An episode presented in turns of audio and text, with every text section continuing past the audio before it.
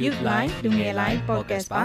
အခုကြားနေရတာကတော့ Youth Line လူငယ် Line Podcast ပါဒီ podcast ကနေဒီနေ့ဘာသာစကားအကြောင်းကြားရမှာပါကျမပြသူနဲ့ဝါဆိုတို့အတူတူတင်ဆက်ပေးမှာပါ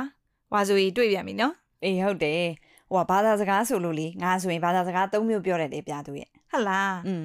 ဗမာစကားရယ် English ကတော့မဖြစ်မနေဆိုတော့ English ရယ်ပေါ့နော် အဲ နှစ်မျိုးရှိပြီနော်နောက်တစ်မျိုးอ่ะ နောက်တစ်မျိုးကကိုရီးယားလို ကိုရီးယားလိုလည်းတက်တာလားအေးတက်တအဲယ်ကိုရီးယားလိုကထမင်းစားရည်တော့တော့လူတိုင်းတက်တယ်လေ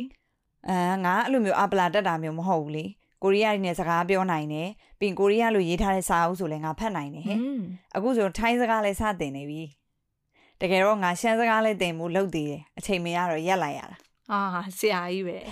မိုက်တယ်မိုက်တယ်ကမ္ဘာပေါ်မှာဘာသာစကားကလေ9000ကနေ9000ကြားရှိတယ်တဲ့ဝါဆိုရဲ့ဟဟလားမလီအများကြီးပဲနော်အေးဆို မြန်မာနိုင်ငံမှာပဲပြောနေတဲ့ဘာသာစကား100လောက်ရှိတယ်တဲ့အဲ့ဒီအများကြီးတဲဟာမှာဟာဘသူကဘယ်နှမျိုးပြောနိုင်လဲဆိုတာနင်မသိကြဘူးလားငါဖွင့်ပြမယ်လေအေးသိကြတာပေါ့ဖွင့်ပြလေငါတို့တူတူနားထောင်မယ်နော် okay Hello. Ni hao. Guten Tag. Konnichiwa. Hola. Bonjour. ကျွန်တော်ကဘာသာစကားတောင်းခုလောက်ပြောတတ်တယ်။ထိုင်းစကားနဲ့ဗမာစကားနဲ့အင်္ဂလိပ်စကားတွေပြောတတ်ပါတယ်။ ကျမကဘာသာစကားကို၃မျိုးလောက်ပြောတတ်တယ်လို့တော့ပြောလို့ရပါတယ်။အဲမြန်မာဘာသာစကားကတော့မိခင်ဘာသာစကားပေါ့နော်။အင်္ဂလိပ်စာကတော့ intermediate လောက်တော့ပြောနိုင်မယ်။နောက်တစ်ခုကကျတော့တရုတ်တဲ့တရုတ်ကကျတော့ဗီဇထားလို့ရအောင်လောက်ပြောတတ်ပါတယ်ကျွန်တော်လားဘာသာစကား၄မျိုးလောက်ပြောတတ်တယ်အဲအဲ့ဒါတွေကတော့ဘိတ်ရယ်ဗမာစကားရယ်အင်္ဂလိပ်စကားရယ်ပြင်သစ်စကားရယ်ပေါ့နော်ဒါပေမဲ့ဘိတ်စကားကတော့ဒီဒေသရစကားဆိုတော့ စကားပဲရှိရယ်စာတော့ဘာတော့မရှိဘူးကျမကတော့ဘာသာစကား၃မျိုးလောက်ပြောတတ်တယ်ပေါ့နော်မြန်မာစကားဆိုရင်ကျွမ်းကျွမ်းကျင်ကျင်အရေးရောအဖတ်ရောပြောတတ်တယ်အင်္ဂလိပ်စကားလည်းအဲအရေးရောအဖတ်ရောရတယ်ပေါ့နော်ကိုရီးယားစကားကိုတော့ပြောတဲ့သူရှိရင်နားလေတယ်အရေးနဲ့အဖတ်ကတော့အရင်ကြီးမရပါဘူးရှင်ကျွန်တော်ကတော့ဘာသာစကားအနေနဲ့မြန်မာဘာသာစကားကိုအဓိကပြောတတ်တယ်ပေါ့နော်ပြီးတော့ ဒုတိယဘာသာစကားအနေနဲ့တဝဲစကားရယ်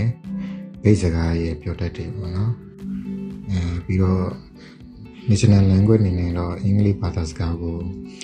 တိမိခမိပြောတတ်တယ်ပေါ့နော်လီတဲ့လေးဒုတိယဘာသာစကားအနေနဲ့နောက်ထပ်ကရင်စကားအနေနဲ့ပေါ့ပြောတတ်တယ် Hello. Ni hao. Guten Tag. Konnichiwa. Hola. Bonjour. ဘာသာစကားနှစ်မျိုးထပ်ပို့ပြီးတော့ပြောတတ်တဲ့သူတွေအများလားနော်အေးငါမှဟုတ်တော့တယ်နှစ်မျိုးလောက်ပြောတတ်ရင်ပဲတော်တော်တော်လာပြီအေးဟုတ်တယ်တချို့ဆိုရင်ဘာသာစကား12မျိုးတောင်ပြောရတဲ့သူရှိတယ်တဲ့ပြသူရဲ့အေးဟုတ်ပါဘာသာစကား59မျိုးပြောနိုင်တဲ့သူတောင်ရှိတယ်လို့ငါကြားဘူးတယ်အေးဆို အဲ့တော့ရာဂိုင်နှုန်းနဲ့ကြည့်ရင်ဟဲကဘာပေါ်မှာဘာသာစကားတစ်မျိုးနဲ့ပြောနိုင်တဲ့သူက40ရာဂိုင်နှုန်းရှိတယ်တဲ့။နှစ်မျိုးပြောနိုင်တဲ့သူက40ရာဂိုင်နှုန်းကျော်တယ်ပေါ့ဟဲ။ဘာသာစကား3မျိုးပြောနိုင်တဲ့သူကြတော့73ရာဂိုင်နှုန်းရှိပြီးတော့၄မျိုးထပ်ပိုပြီးတော့ကျွမ်းကျင်တဲ့သူတွေက300ရာဂိုင်နှုန်းရှိတယ်လို့ငါဖတ်ဘူးတယ်။ဟုတ်လား။ဘာသာစကား9မျိုးထပ်ပိုပြောနိုင်တဲ့သူက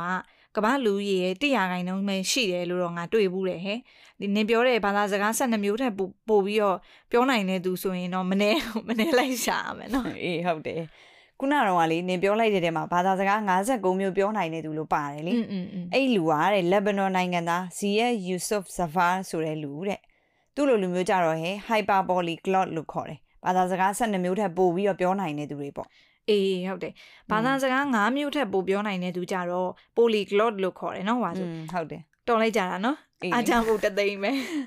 ကဲ interview ဖွင့်ပြရမယ်အချိန်ရောက်ပြီအေးဟုတ်တယ်ဒီတစ်ခါဘသူ့ကို view ထားလဲဘာသာစကား12မျိုးထက်ပိုပြီးတော့ပြောနိုင်တဲ့ hyperpolyglot လား glot dot glot ပဲဟာဒါပေမဲ့ hype ပါမပါဘူးသူကဘာသာစကား6မျိုးရတယ် polyglot ဟွာဆိုရဲ့လက်ရှိ INGO မှာဘာသာပြန်အလုပ်လုပ်နေတာသူ့ငါ interview ထားတယ်ဟဲ့အဲ့ဒါဖွင့်ပြလိုက်တော့မယ်နော်အေးဟုတ်ပြီတူတူနားထောင်မယ်နော်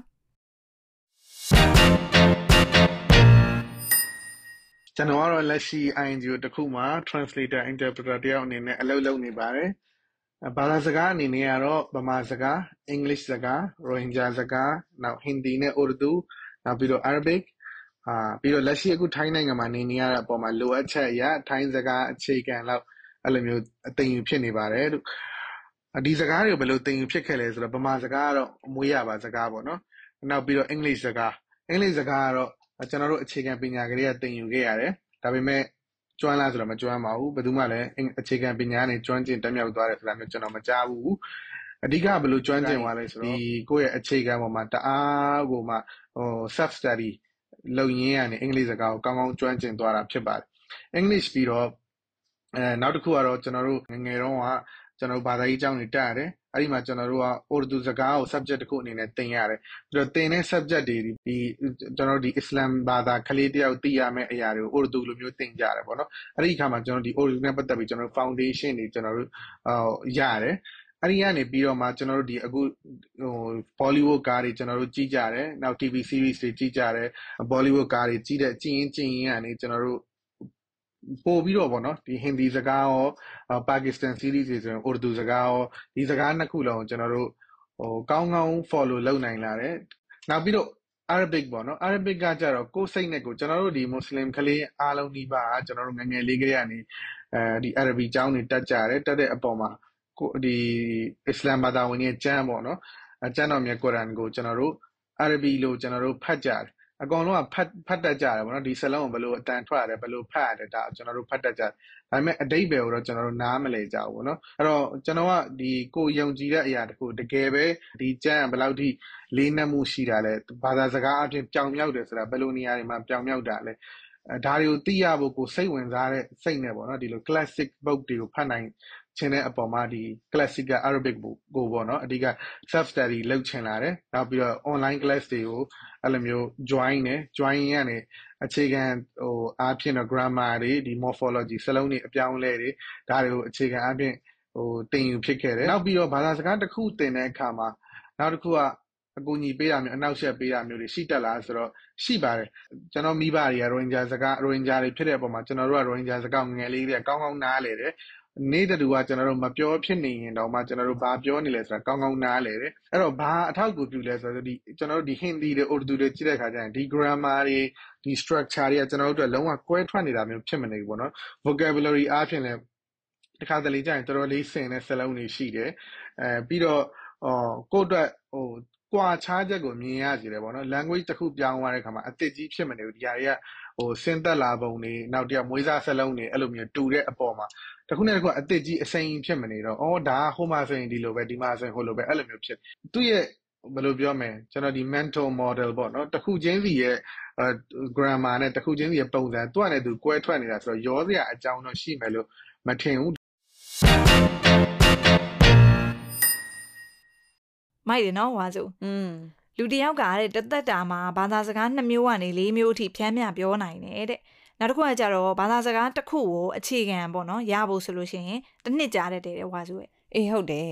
အခုခေတ်ကရဲ့ globalization ကြောင့်မလို့ဘာသာပြန်ဝန်ဆောင်မှုတွေကပို့ပြီးတော့လိုလာကြပြီအဲ့တော့ဘာသာစကားများများတက်လေအလောက်ကန်အခွင့်အလမ်းပို့ပြီးတော့များလာလေပဲပေါ့အေးနော်ဘာသာစကားသင်ယူတဲ့နေရာမှာလေလေတချို့ဘာသာစကားတွေဆိုရင်တစ်ခုနဲ့တစ်ခုဆင်ကြရတယ်လေဥမာဆိုရင်ဟာ စပိန်တို့ပြင်သစ်တို့အီတလီတို့ဆိုလို့ရှိရင်တချို့စကားတွေကတော်တော်လေးဆင်တူတယ်အဲ့ခါကျတော့ဟဲ့တခုကိုသေချာလေးလာလိုက်လို့ရှိရင်ဒီဘာသာစကားတစ်ခုကနောက်တစ်ခုရဖို့အတွက်အထောက်အကူဖြစ်တယ်ဝါဆိုရဲ့အေးဟုတ်တယ်တချို့ဘာသာစကားတွေကြတော့ဟဲ့ကိုမိခင်ဘာသာစကားနဲ့တရားတူတော့တင်လွယ်တက်လွယ်ပေါ့ဟဲ့တချို့ဘာသာစကားတွေကြတော့သင်္ကာစမှာအရန်ခက်ပြီးတော့ဒါမဲ့သေချာအဲ့လိုလေးလာရင်လေးလာရင်လည်းရသွားတာမျိုးတွေလည်းရှိတာပေါ့ဟဲ့အေးနော် နောက်တစ်ခုကကြတော့တစ်ချိန်တည်းမှာပဲပေါ့ဟဲ့ဘာသာစကားတစ်မျိုးထပ်ပို့ပြီးတော့သင်ယူတာကလည်းအုံနောက်ကိုဖွင့်ပြိုးစေတယ်လို့ပြောကြတယ်ဟုတ်လားအဲဒါပေမဲ့တစ်ချိန်တည်းမှာပဲလေးမျိုးထပ်တော့ပို့ပြီးတော့မလေးလာသင်ဘူးပေါ့ဟဲ့အဲ့ဒါရှုပ်သွားတတ်တယ်တဲ့အေးပေါ်အဲ့ဆိုနေလဲ၄မျိုးလောက်ပဲတင်နော် hyper polyglot ဖြစ်ချင်လို့ဆိုပြီးတော့အများကြီးတင်မနေနဲ့အောင်အေးပါရဲ့အဲ့လောက်လည်းမတင်နိုင်ပါဘူးမလင်ငါကောက်သွားလိမ့်မယ်ကျမတို့ရဲ့ဒီ podcast ကိုနားထောင်ပြီးတော့ဘာသာစကားတွေနဲ့ပတ်သက်ပြီးတော့တခုမှတ်သားလိုက်ရမယ်ထင်ပါတယ်နော် အခုကြားခဲ့ရတာကတော့ Youth Line လူငယ် Line podcast ပါ